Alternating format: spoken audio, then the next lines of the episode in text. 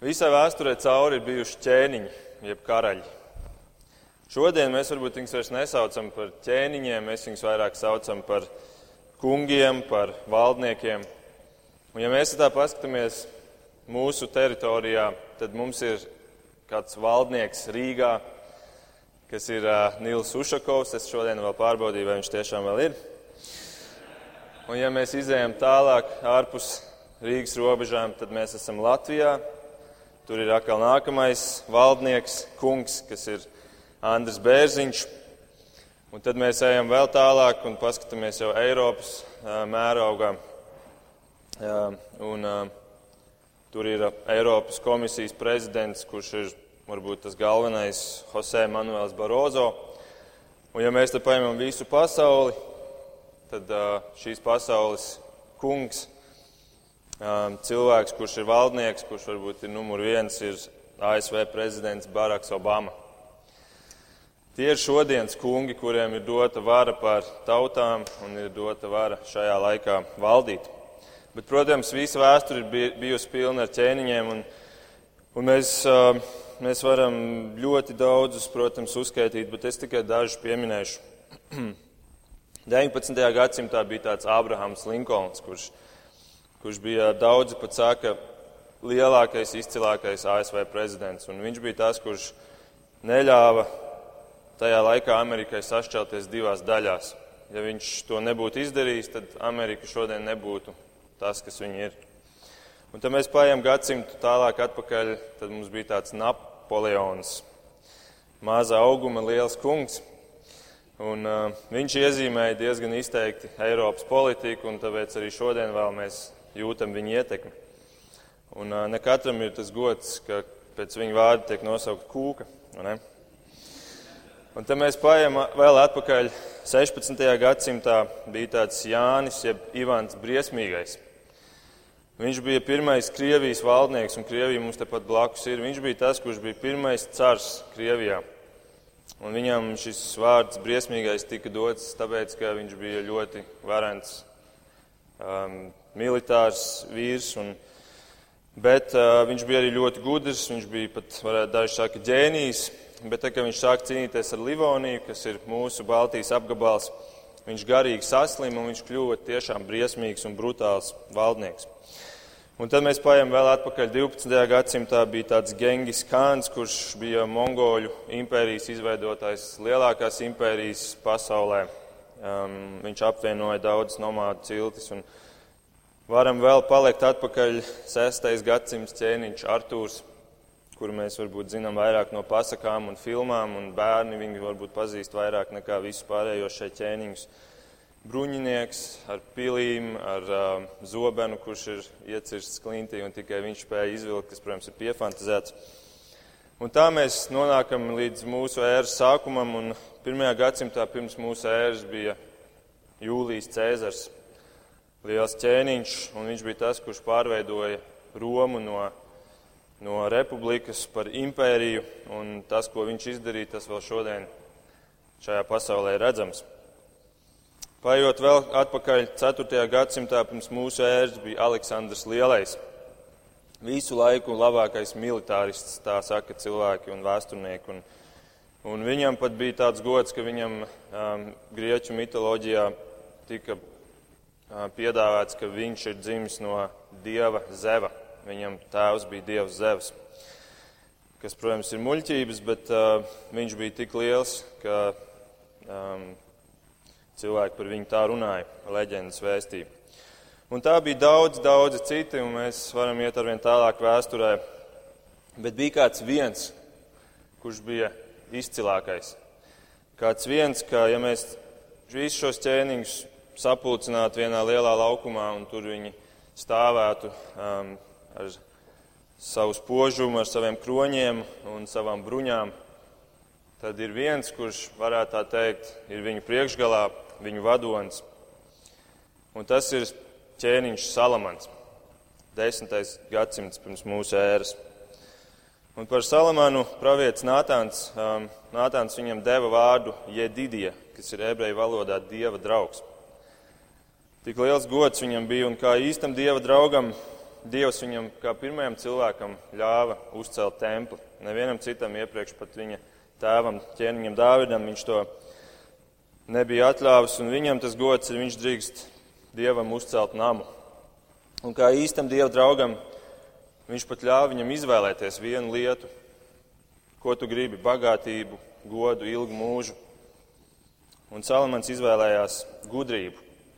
Un Dievam tas ļoti patika, un pirmā ķēniņa vēstulē, 3. nodaļā, 12. pantā mēs lasām, redz, es tev dodu gudru un redzīgu sirdi, tāda, kā tu nav bijis pirms tevis un nebūs pēc tevis. Arī to, ko tu nelūdz, es tev dodu, gan bagātību, gan godu. Un ķēniņš Salamans bija tik gudrs un tik bagāts, ka no visām valstīm nāca cilvēki, lai klausītos viņā, lai skatītos to, ko viņš ir uzcēlis un visu viņa bagātību. Un turpat septiņas nodaļas tālāk mēs lasām desmitajā nodaļā no 23. panta. Ķēniņš Salamans bija bagātākais un gudrākais starp visiem zemes ķēniņiem. Visa pasaule vēlējās redzēt Salamanu un dzirdēt viņa gudrību, ko Dievs viņam bija līdz sirdī. Viņi nāca katrs ar savu dāvanu sudraba un zelta mantām, tērpiem, ieročiem, smaržām, zirgiem un mūļiem, un tā gadu no gada. Gadu no gada. Un pat jaunajā derībā Lūkas raksta šādi: Dienvidu ķēniņiene nāca no tālām zemēm dzirdēt Sālamanu gudrību, jo viņš bija bagātākais, varenākais, izcilākais, gudrākais ķēniņš. Bet šis pants beidzās ar kādu pavērsienu.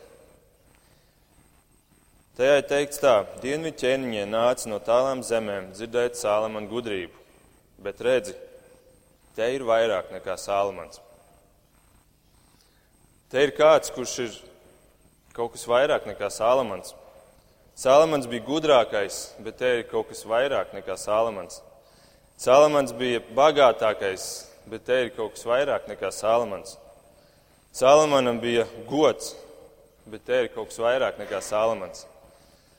Salamanam bija vislielākā vara un spēks, bet te ir kaut kas vairāk nekā Salamans. Un ja mēs šo pūli iztēlojamies un redzam šos visus ķēniņus un priekšā stāv Salamans, tas izcilākais, tad mēs pēkšņi redzam, ka viņi visi stāv kādas pils priekšā, kādas lielas un varenas pils priekšā, un no šīs pils iznāk vēl kāds ķēniņš. Viņš iznāk, sēžam uz balta zirga, un visi ķēniņi paskatās uz viņu, uz augšu, un paklanās viņu priekšā, un tā kādu dienu būs. Kas ir šis ķēniņš, kurš ir tik daudz lielāks par lielāko un varenāko, ko šī pasaule ir redzējusi, par ķēniņu Salamanu? Šis ķēniņš, viņš ir vissanākais ķēniņš. Viņš bija pirmais, viņš bija tad, kad vēl neviena nebija. Un viņš būs arī pēdējais ķēniņš, kurš nāks vēl tikai, kurš nāks un izveidos savu tūkstošgadu miervalstību šeit uz zemes. Un tā viņš bija vēstures sākumā, un viņš būs vēstures beigās, bet viņš ir arī vēstures vidū bijis. Viņš pēc viņa mēs skaitam pat laiku. Kas viņš ir? Un paklausīsimies, ko apstults Jānis saka atklāsmes grāmatā 19 no 11. panta.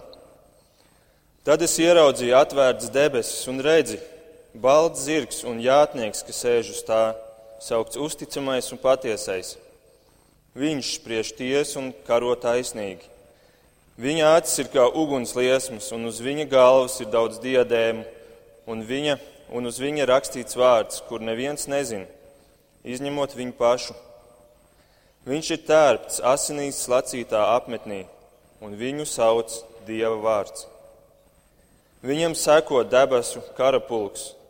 Tie tērpušies tīrā, baltā, smalkā līna audumā, jāj uz baltiem zirgiem. No viņa mutes iziet as zobens, lai ar to cirstu tautas.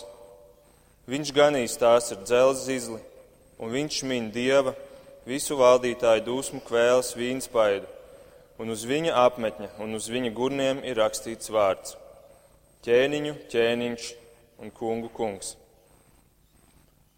Kurš ir, kurš ir šis ķēniņu ķēniņš? Jānis pirmajā nodaļā to arī pasaka. Jēzus Kristus, kas ir uzticamais liecinieks, pirmdzimtais no mirušajiem un zemes ķēniņu valdnieks. Jēzus ir šis ķēniņš, ķēniņš, un viņš ir pāri visiem ķēniņiem, ko šī pasaule ir redzējusi. Viņam ir tāda vara, kāda nav nevienam. Viņu sauc Dieva vārds. Interesanti, viņu sauc Dieva vārds. Un tāpēc arī mēs vēlamies viņu iepazīt. Ja viņš ir tas ķēniņ, ķēniņš, mums ir viņš jāiepazīst. Kas ir viņš? Un, eh, tāpēc mēs mācāmies no Dieva vārda, un tāpēc mēs arī turpmāk vēlamies iet cauri un mācīties, ko Dieva vārds stāsta par šo ķēniņu, ķēniņu, kuru mēs gaidām. Vecā derība bija pilna ar pravietojumiem, ka Izrēlam nāks reiz šis ķēniņš, šis mesija. Un jūdi viņu ļoti gaidīja. Viņi gaidīja savu glābēju, savu ķēniņu, savu kungu. Vecajā derībā ir daudz šo pravietojumu, bet pats pēdējais ir paši pēdējie vārdi vecajā derībā, un mēs to varam atvērt. Tas ir jā, turpat vienu lapus atpakaļ no iepriekšējā lasījuma, ko Girts lasīja. Tā ir Malajāhija grāmata, un paši pēdējie vārdi skan šādi. Nāk tā kunga diena, liela un bijājama. Viņš vērsīs tēvu sirdis pie, tā, pie dēliem un dēlu sirdis pie tēviem, lai es nenāku un nesitu zemi ar nīcības lāstu. Nāk tā kunga diena, nāks kungu kungs, viņš nāks drīz, šis pravietojums pasaka. Izraēla viņš nāks drīz un paiet 400 gadi, klusuma periods, un te mēs nonākam pie Mateja, pie jaunās derības, 400 gadus vēlāk. Un mēs varam atvērt to pirmo nodaļu. Um, šis ir Mateja evaņģēlijs, ko nozīmē vārds evaņģēlijs, jūs zinat?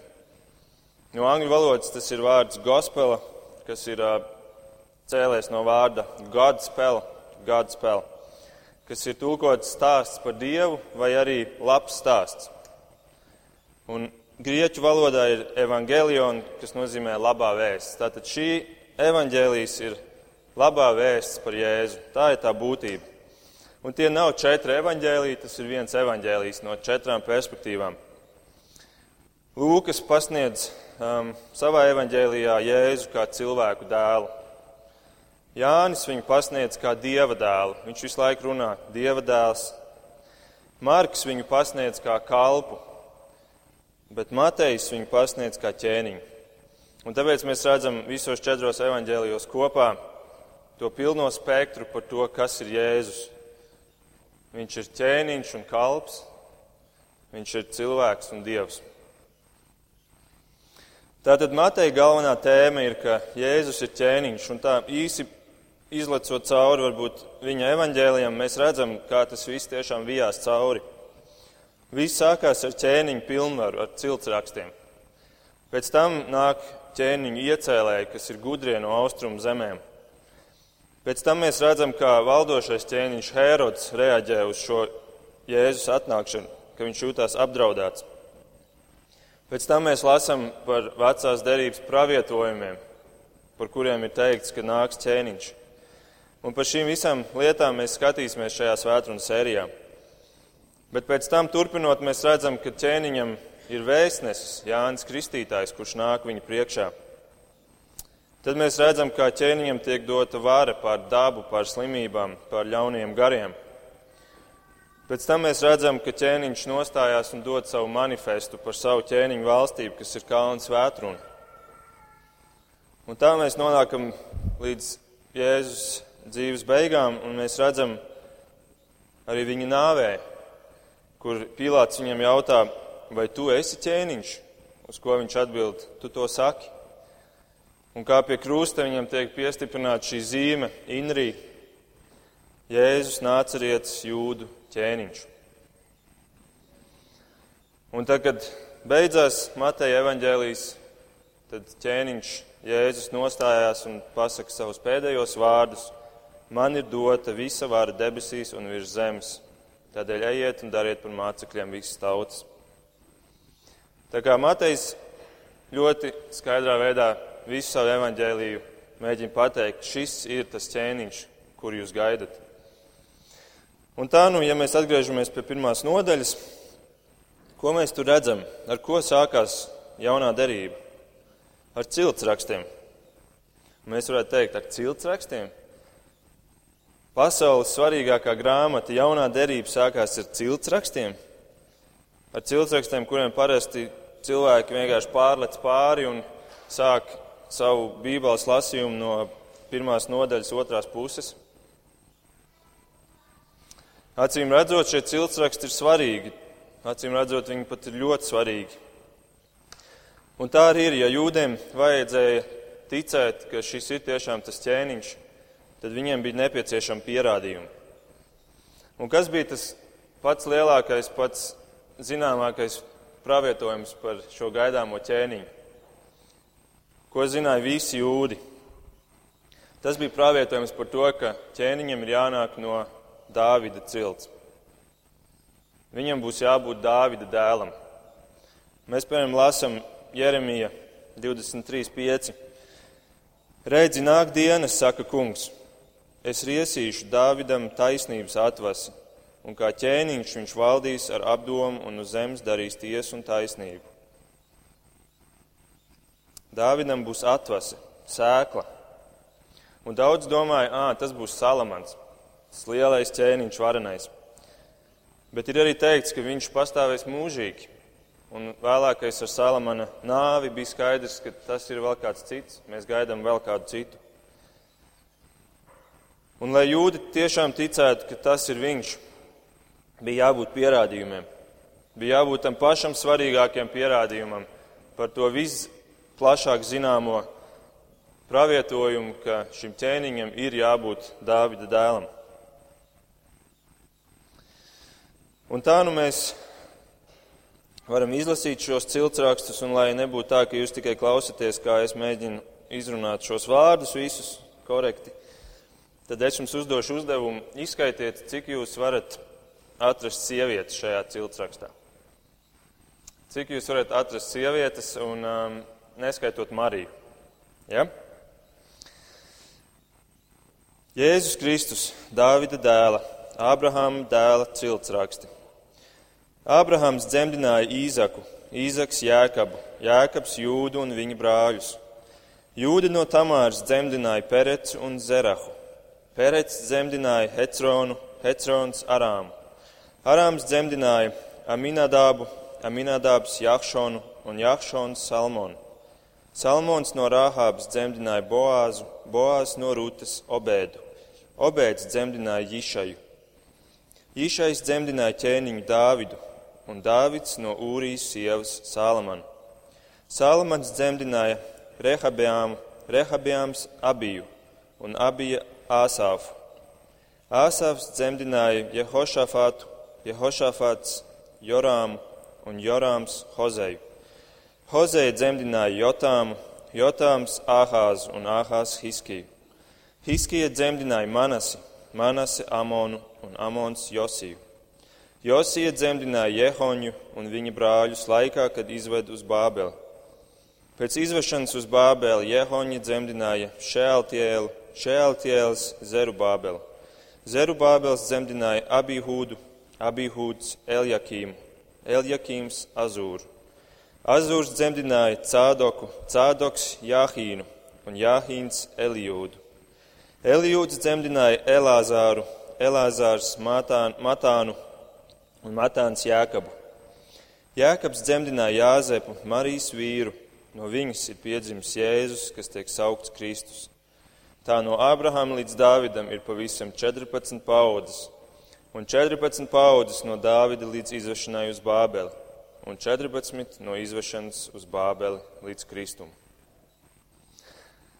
Par tām sievietēm mēs vēlāk atgriezīsimies. Jūs paturat prātā, cik jūs izskaitījāt. Bet um, varbūt pirmais jautājums kādam rodās, kāpēc 14, 14, 14, ko tas nozīmē? Ja mēs paskatāmies, ko teologi par to saka, tad, tad um, tā galvenā doma ir tāda, ka ik pēc 14 paudzēm notika kaut kas liels. Pēc 14 paudzēm Dāvids nāca, pēc 14 paudzēm bija Bābele, un pēc 14 paudzēm tagad atkal kaut kam lielam ir jānotiek. Un, ja mēs tā paskatāmies uz ciltsrakstiem, tad Girts jau to pieminēja, vai jūs zinat savējos ciltsrakstus? Jūs zinat 42 paudzes atpakaļ. Nezināt, ne? Un, un, um, šodien arī tam nav tāda nozīme, bet tajā laikā tam bija ļoti liela nozīme.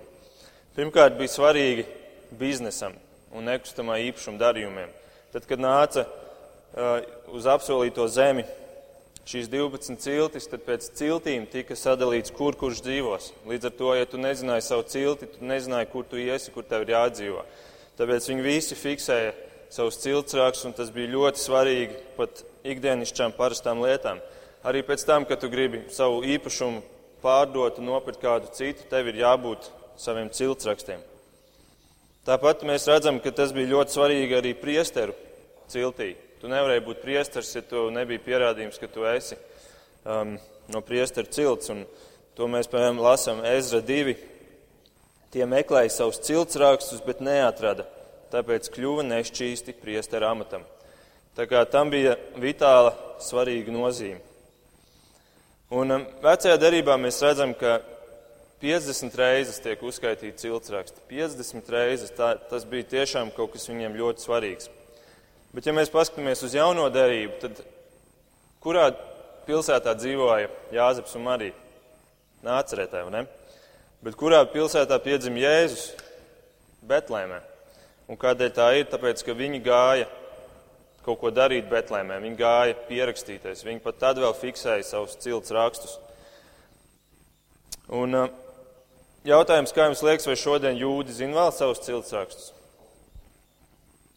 jūdi nezina. Šodien viņi nezina, kāds ir, kādus es palasīju um, komentārus, ko paši arī um, šie jūdi saka. Viņi saka, ja kāds zina ratais, tad tie ir tikai no levītu cilts, tāpēc, ka viņiem šodien vēl ir svarīgi um, par to, kurš drīkst būt um, priesteris, kurš nē, bet arī tas ir ļoti, ļoti reti. Un viņi nezina tāpēc, ka 70. gadā pēc Kristus um, Izrēlā iebruka romieši un izkaisīja Izraēlu jūdzes pa visu pasauli. Un no tās dienas um, šī cilts rakstu piefiksēšana tika atcelta Izrēlam. Un ko tas nozīmē? Tas nozīmē to, ka šodien neviens vairs nevar pierādīt, neviens jūtas nevarētu celties un pateikt, ka es esmu Mesija. Neviens vairs nespēja pierādīt, ka es nāku no Dāvida cilts. Tas nozīmē, ka ja Jēzus nebija mesija, neviens vairs nevar būt mesija. Jēzus ir pēdējais, kuram, kuram vēl varēja pierādīt to, ka viņš bija tas, kurš nāk no Dāvida cilts, kurš piepilda šo pravietojumu, šo lielāko no pravietojumiem. Un tāpēc šodien jūdi gaida savu mesiju, bet viņi vairs nevar to pierādīt. Viņiem pat nav vairs iespējas to pierādīt, ka viņš piepilda visus pravietojumus. Labi, tajā laikā viņi zināja ciltsrakstus, un Matejs ar to sāk. Bet, ja mēs atveram Lūkas evanģēlīju trešo nodaļu, un, un to es lūdzu jums atvērt, Lūkas 3.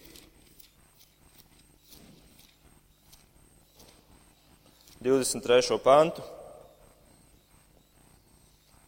Tad mēs redzam kaut ko interesantu. Mēs redzam Jēzus ciltsrakstus. Un mēs redzam, ka viņi sākās ar vārdiem Pēc ļaužu domām viņš bija Jāzepa dēls, un Jāzeps Elī dēls, tas Matata, tas Levija, tas Melhija, tas Janaja un tā tālāk līdz beigām, kur skan tas Enoša, tas Šēta, tas Ādama, tas Dieva. Un ja mēs tā paskatītos smalkāk cauri, mēs redzētu, ka šie vārdi nesakrīt. Tas ir kaut kāds cits ciltsraksts. Un uh, kas tad ir tā atšķirība? Ja mēs tā paskatāmies, mēs varam paskatīties, kas ir tas virziens. Un mēs redzam, ar ko sākās vieni un ar ko beidzās, un tāpat arī otriem. Un to, ko mēs redzam, ir, ka Lūkas evanģēlijā sākās ar Jēzu un iet atpakaļ līdz Ādamam. No Jēzus līdz Ādamam. Ja mēs paskatāmies uz Mateja evanģēliju, Tur ir no Ābrahāma uz priekšu līdz Jēzum. Tātad pretējais virziens. Matejs parāda no Ābrahama līdz Jēzum pa Jāzepa līniju ciltsrakstus. Un Jāzepa līnija ir tā ķēnišķīgā, tā tiesiskā līnija, tā, kura dod tiesības, jo, jo, jo um, mantojums vienmēr, mantojums vienmēr iet caur tēva līniju. Tā ir tā tiesiskā līnija, tā ķēnišķīgā līnija no Ābrahama līdz Jēzum. Savukārt Lūkas evanģēlijā mēs redzam no Jēzus atpakaļ līdz Ādamam pa Marijas līniju, kas ir tā miesiskā līnija, jeb asins līnija. Tātad Matejs pasaka, Matejs sāk ar Ābrahāmu, jo sākās, jo no Ābrahāma sākās tikai Izraels. Pirms tam nebija Izraela, vispār nebija nekādas runas par Izraēlu. Tāpēc viņš sākās no Ābrahāma, kur tiek dots solījums par Izraēlu, un viņš iet līdz, līdz Jēzum, un tur ir runa par šo ķēnišķo mantojumu. Tas ir tas, tā ir tā Jāzepa līnija. Savukārt Lūkas sāk un beidz ar Ādamu, jo no Ādama sākās dzīvība. Tā ir tā miesiskā līnija, jeb tā asins līnija. Un mēs varētu jautāt, kāpēc Jāzepam ir pa ķēnišķīgo, bet Marijai pa asins. Un, un, um, kāpēc tā bija? Tāpēc, ka Jēzum nebija miesiska tēva. Jēzum nebija miesiska tēva, tāpēc miesiskā līnija iet caur Mariju. Un tāpēc ir svarīgi nevis tikai parādīt Jāzepa ciltsrakstus, bet arī parādīt šos otrus, kas iet caur Mariju. Jo Marija ir miesiskā Jēzus daļa, bet Jāzeps ir tiesiskais Un tāpat kā, tāpat kā ir um, ar adoptāciju, tad tēvs ir tas, kurš saņem tiesības, pat ja viņš nav miesiskais tēvs. Un tad ir jautājums, kurā līnijā ir Dāvids? Un ja mēs esam Mateja evaņģēliju atvēruši šobrīd, ja mēs salīdzinājām, tad mēs redzam, ka sastajā pantā ir teikts, Jišais dzemdināja ķēniņu Dāvidu, un Dāvids no Ūrijas sievas, sievas Salamanu. Tātad Jāzepa līnijā ir Dāvids. Ja mēs atšķiram Lūkas evaņģēlī 31. pāntu, tad tur rakstīts šādi. Tas Melējas, tas Mennes, tas Matatas, tas Nātāna, tas Dāvida dēls. Tātad Dāvida pravietojums, jeb Dāvids ir abās šajās cilts, cilts rakstos, abās līnijās viņš ir iekšā, un līdz ar to Jēzus ne tikai piepilda šo pravietojumu, Jēzus to piepilda dubultā veidā. Gan viņa tēvs, gan viņa māte ir gājuši cauri šo ķēniņu Dāvidu un, un ir viņa līnijā. Un Dāvida, no Dāvida sākot pa ķēniņa Salamanu atzaru aiziet Jāzepa līnija, un pa otru dēla Natanjēla atzaru aiziet Marijas līnija. Vēl kas interesants, ja mēs esam Mateja evaņģēlija ciltsrakstos, tad ar ko beidzās šie ciltsraksti? 16. pāns. Visur ir teikts, tas dzemdināja to, tas dzemdināja to, tas dzemdināja to. Bet te, kad mēs nonākam līdz Jāzepam, kā ir ar Jāzepu? Jākaps dzemdināja Jāzepu, Marijas vīru, no viņas ir piedzimis Jēzus, kas tiek saukts Kristus. Šī ķēde ar dzemdināju, dzemdināju, dzemdināju apstājās pie Jāzepa, un par viņu vairs nav teikts, ka viņš dzemdināja. Par viņu pēkšņi ir teikts no viņas, no Marijas, viņas vīra, nē, no viņas sievas. Marijas ir piedzimis Jēzus. Tā kā šeit pat nav pateikts, ka viņš ir dzimis no Jēzus. Šeit pēkšņi tiek pārmest uz otru pusi, ka no šīs sievas ir dzimis. Un kādēļ tā ir? Tādēļ, ka Jāzeps nav fiziskais, bet juridiskais tēvs. Un, viņš saņem pilnās tiesības, bet, bet um, un interesanti arī, ka tādēļ arī Dieva vārdā nekad nav pateikts, ka Jāzeps ir Jēzus tēvs. Nekad nav pateikts Jāzepam, ka tas ir tavs bērns. Tas ir tavs bērns, jo tu esi adoptējis tiesiskajā ziņā, bet, um, ja mēs redzam otrajā nodaļā, 13. un 20. pantā, kad eņģēlis nāk pie Jāzepa, viņš saka, celies, ņem bērnu un viņa māti. Viņš varēja pateikt, ņem bērnu un ja ņem savu bērnu, bet viņš saka, ņem bērnu un viņa māti. Tad mēs vēl kaut ko interesantu redzam šajā Mateja ciltsrakstā, ja mēs paskatāmies 11. un 12. pantu, tad tur ir pieminēts kāds vīrs vārdā Jehoņa. Jūs zināt, kas ir Jehoņa? Um, jaunajā derībā, grieķu valodā viņš ir Jehoņa, vecajā derībā, aramiešu valodā viņš ir Konjāks, jeb Konja vecajā tulkojumā. Jehoņa, Konja. Un viņš bija Te ir teikts, ka tas ir Bābeles laikā, tad, kad Izraēla izved no Bābeles. Viņš bija ķēniņš. Un Dievs Jeremija 22.30 šim par šo Jehoņu saka šādus vārdus. Tā saka kungs, pierakstiet viņu kā tādu, kas ir bez bērniem, kā vīru, kam nesoks viņa dienās. Nenāks no viņa pēcnācējiem vīrs, kas sēdētu Dāvida tronī un valdītu Jūdā. Tātad, kur vēl konkrētāk var pateikt, ka no šī jehoņa nekad necelsies kāds, kurš sēdēs Dāvida tronī. No šī jehoņa, ķēniņa jehoņa, nekad nebūs kāds, kurš, kurš ieņems um, Dāvida troni. Tad kā tas var būt? Jo jehoņa ir šajā ciltsrakstā, jehoņa ir šajā Jēzus līnijā. Un Te jūs varbūt jau redzat, cik, cik svarīgi tāpēc ir arī, ka Jāzeps nav Jēzus miesiskais tēvs.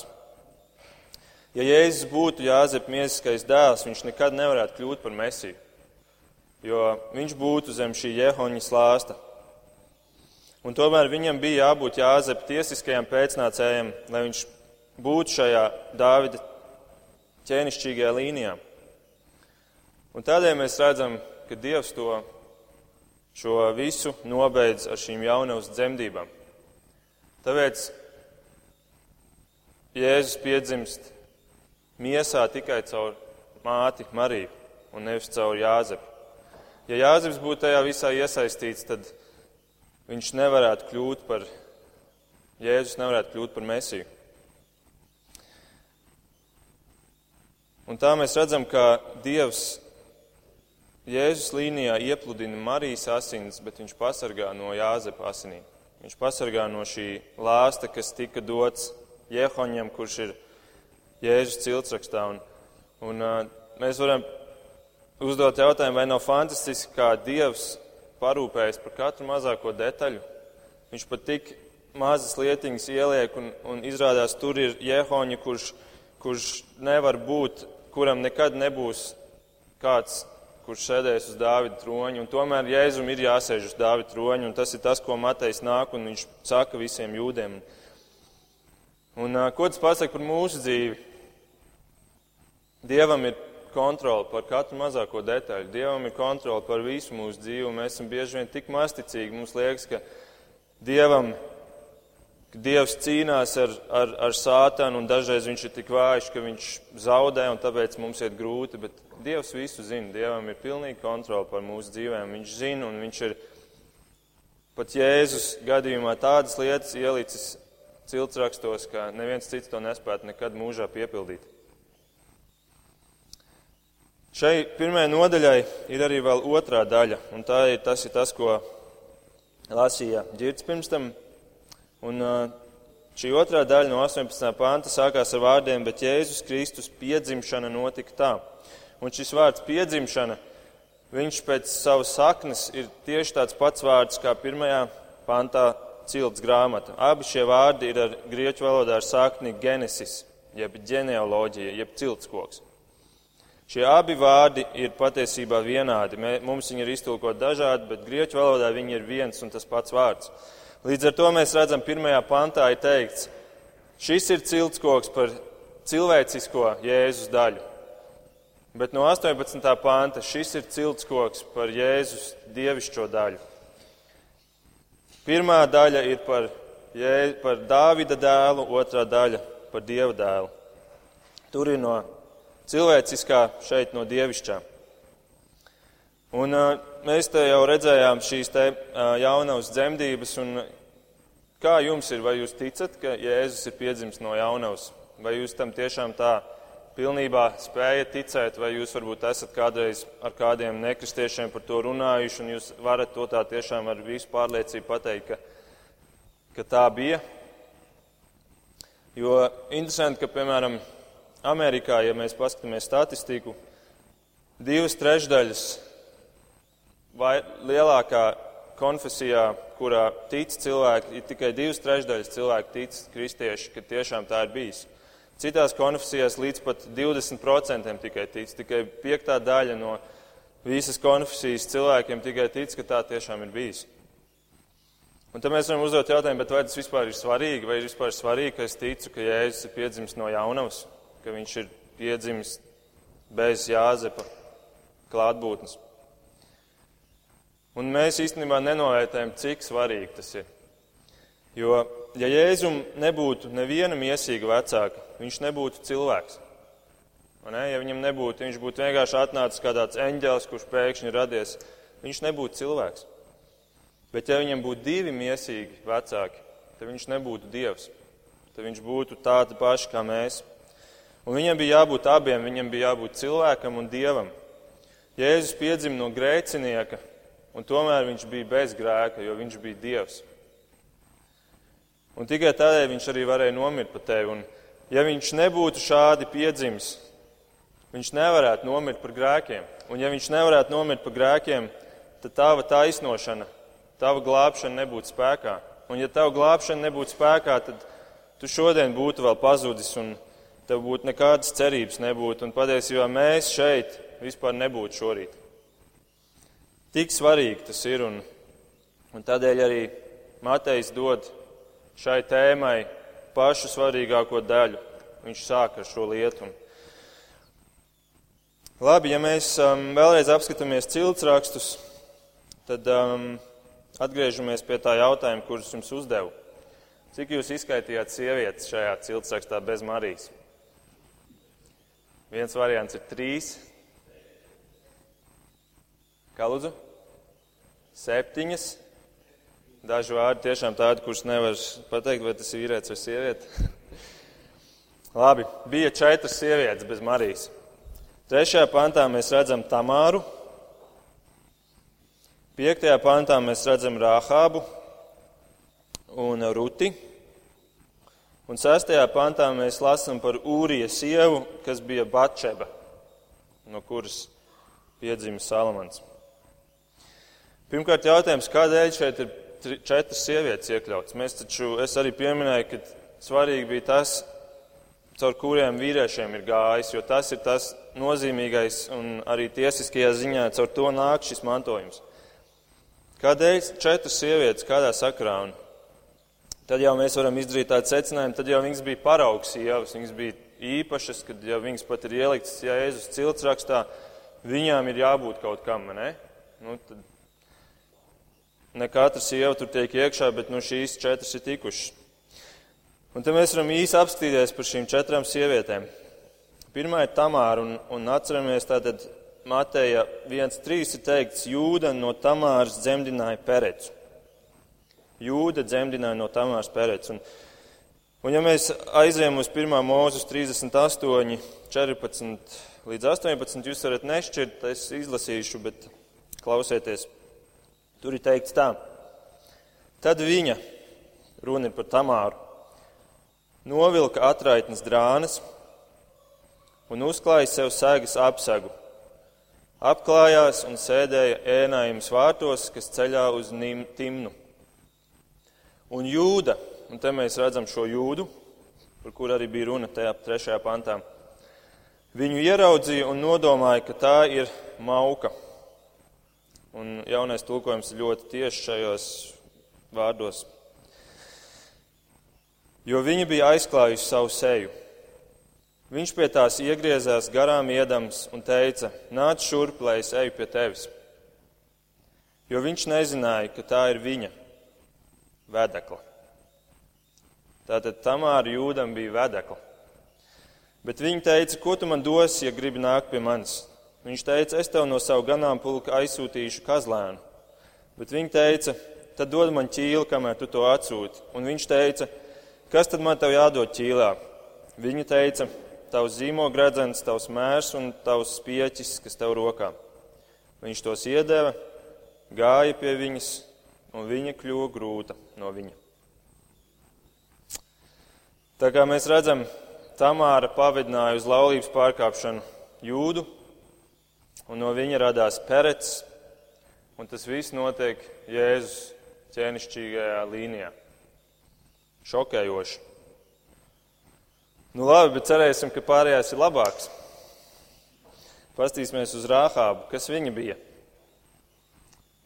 Un jūs jau aptuveni zinat, kas viņa bija, ne?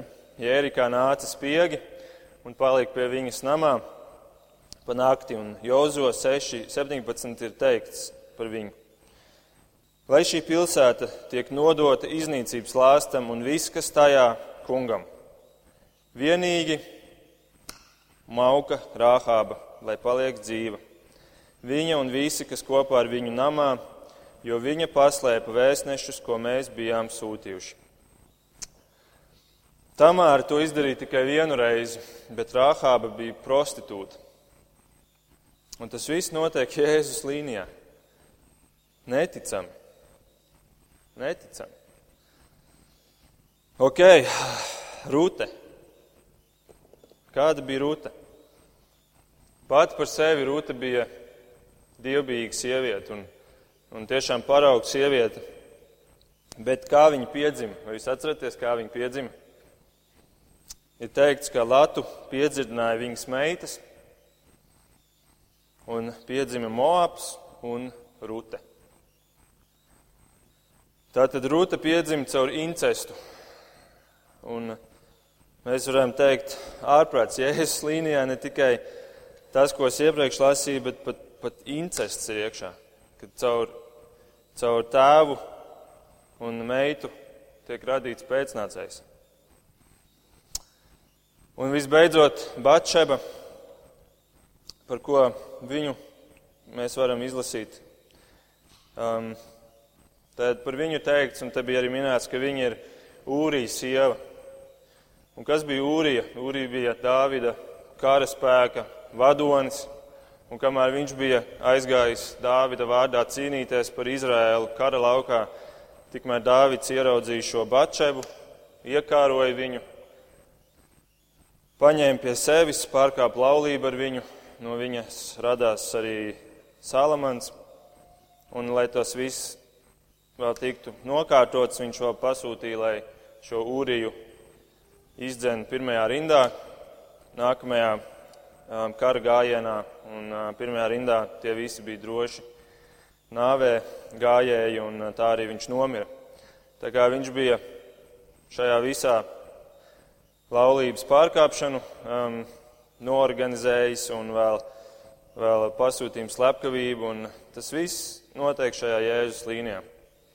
Un mēs redzam visas šīs četras sievietes, visus šos četrus gadījumus, visas šīs četras sievietes ar apšaubāmu slavu, mēs varētu jautāt, mesijāniskajā līnijā šādi cilvēki ir. Mesijāniskajā līnijā ir šādas, šādi gadījumi, tik kliedzoši grēki. Un mēs, protams, varētu par katru no šiem cilvēkiem, kas šeit ir minēti, paskatīties, ko mēs varam uzzināt, bet pietiek ar šīm četrām sievietēm. Bet ko mēs šeit redzam? Kāpēc tas ir šeit minēts? Tādēļ, ka Jēzus glābšana nāk caur žēlastību. Un tā ir vislielākā žēlastība. Un Jēzus nenāk glābt tos cilvēkus, kuri ir priekšzīmīgi, kuri ir bijuši vislabākie no cilvēkiem. Ja Dievs nav izvēlējies Jēzu dzemdināt caur tādiem cilvēkiem, kuri ir perfektā līnija, un tagad caur šo es sūtīšu pasaulē.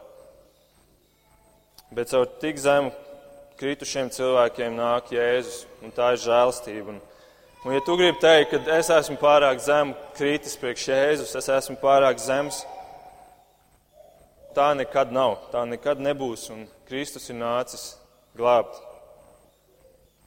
šādus cilvēkus. Un ja tu esi Dieva bērns, tu patiesībā tādā garīgā ziņā esi arī Jēzus ciltskokā. Un tu esi tikai tādēļ viņu cilts kopā, tāpēc, ka viņš nāk ar žēlastību, tikai žēlastības dēļ. Labi, un noslēdzot, kāds ir pirmais vārds, ar ko sākās jaunā derība, gan jaunajā, gan vecajā tulkojumā? Jēzus. Un kāds ir pēdējais vārds šajā nodaļā, ar ko beidzās šī pirmā nodaļa? Jēzus. Viss šī nodaļa ir par Jēzu. Un ko nozīmē vārds Jēzus? Jūs zinat? Vārds Jēšo. Vārds Jēšo nozīmē glābējs, jeb Dievs glābi. Pavisam vienkārši glābējs. Un tad mēs varam jautāt, no kā tad glābi Jēzus? No kā glābi ķēniņš, ķēniņš šis visvarenākais? No nabadzības, no slimībām, no problēmām, no depresijas, no mazvērtības kompleksiem manā dzīvē. Varbūt valstiskā līmenī, no okupācijas, no liberāļiem, kuri mums spiež virsū amorālas vērtības. No kā Jēzus glābi? No visa tā iepriekš minētā viņš arī glābi, ja viņš tā vēlās. Tā ir, tas ir viņa ziņā, un viņš to spēja, un viņš to dara. Bet tas nav galvenais iemesls. Kad jūdi gaidīja mesiju šo ķēniņu, viņi arī gaidīja ar nepareiziem nolūkiem. Viņi gaidīja, ka nāks glābējs, kurš atbrīvos viņus no romiešu okupācijas un, un dos to, ko viņi bija iedomājušies. Viņi gaidīja, bet tādēļ arī nesagaidīja. Tad jautājums ir, no kā tad Jēzus glābi? Un tajā pašā pirmajā nodaļā, 21. pantā, ir teikts, viņa dzemdēs dēlu, un tu nosauks viņu vārdā Jēzus, jo viņš izglābs savu tautu no grēkiem. Un ja kāds tev jautā, kas ir šis Jēzus un kādēļ Jēzus ir vajadzīgs, tad šī ir tā numur viens lieta, un mēs nekad nedrīkstam Jēzu pasniegt par to, kurš nāk un atvieglo mūsu dzīvi, kurš nāk un atrisinās manas problēmas, un tāpēc nāc pie Jēzus. Tas nekad nav bijis numur viens iemesls. Un ja mēs gribam Jēzu patiesi pasniegt un patiesu liecību nodot par viņu, tad šim ir jābūt tam, kam vienmēr ir jānāk līdzi. Viņš ir nācis, lai glābtu tevi no grēka, vienalga kāds tu esi. Tāpat kā šīs četras sievietes. Un viņš arī pēc tam, kad tu esi ticis glābts, viņš nāk un grib tevi lietot, un viņš tevi var lietot. Vienalga, cik tu esi vājš, tāpat kā šīs četras sievietes viņš lietoja, viņām pat neapzinoties. Un tad pēdējais jautājums jums, vai Jēzus ir tavs ķēniņš? Tas, ko mēs gaidām, vai viņš ir tavs ķēniņš? Ja viņš ir, tad viņš tevi ir arī izglābis no grēka jo tādēļ viņš nāca. Ja viņš ir tavs ķēniņš, tad viņš tevi ir izglābis no grēka. Un grēks vairs nav tavs pavadonis, un grēks būs tas, no kā tu muksi, un grēks būs tas, ko tu nožēlosi. Un arī šodien, kad mēs nāksim pie vakarēdiena, grēks būs tas, ko mēs nožēlosim, no kā mēs mēģināsim atbrīvoties, kas mums vairs neliks mierā. Un daudzi ķēniņi, tie, kurus es pieminēju, un daudzi citi nāca un cīnījās un uzvarēja savus ienaidniekus, un tāpēc viņi tika savā tronī. Bet neviens nespēja uzvarēt šīs pasaules lielāko ienaidnieku - grēku. Neviens no šiem ķēniņiem nespēja. Visi tam zaudēja, pilnīgi visi. Līdz atnāca ķēniņš, ķēniņš. Un, uh, Slavenie Jūlija Cēzara vārdi, ar kuriem viņš pats lielījās par savām salīdzinoši maznozīmīgajām uzvarām, patiesībā visvairāk piedaras tieši šim ķēniņ, ķēniņam. Vēnī, vidī, vičī. Es nācu, es redzēju, es uzvarēju. Un tāpēc dosim visu slavu un godu viņam. Lūksim!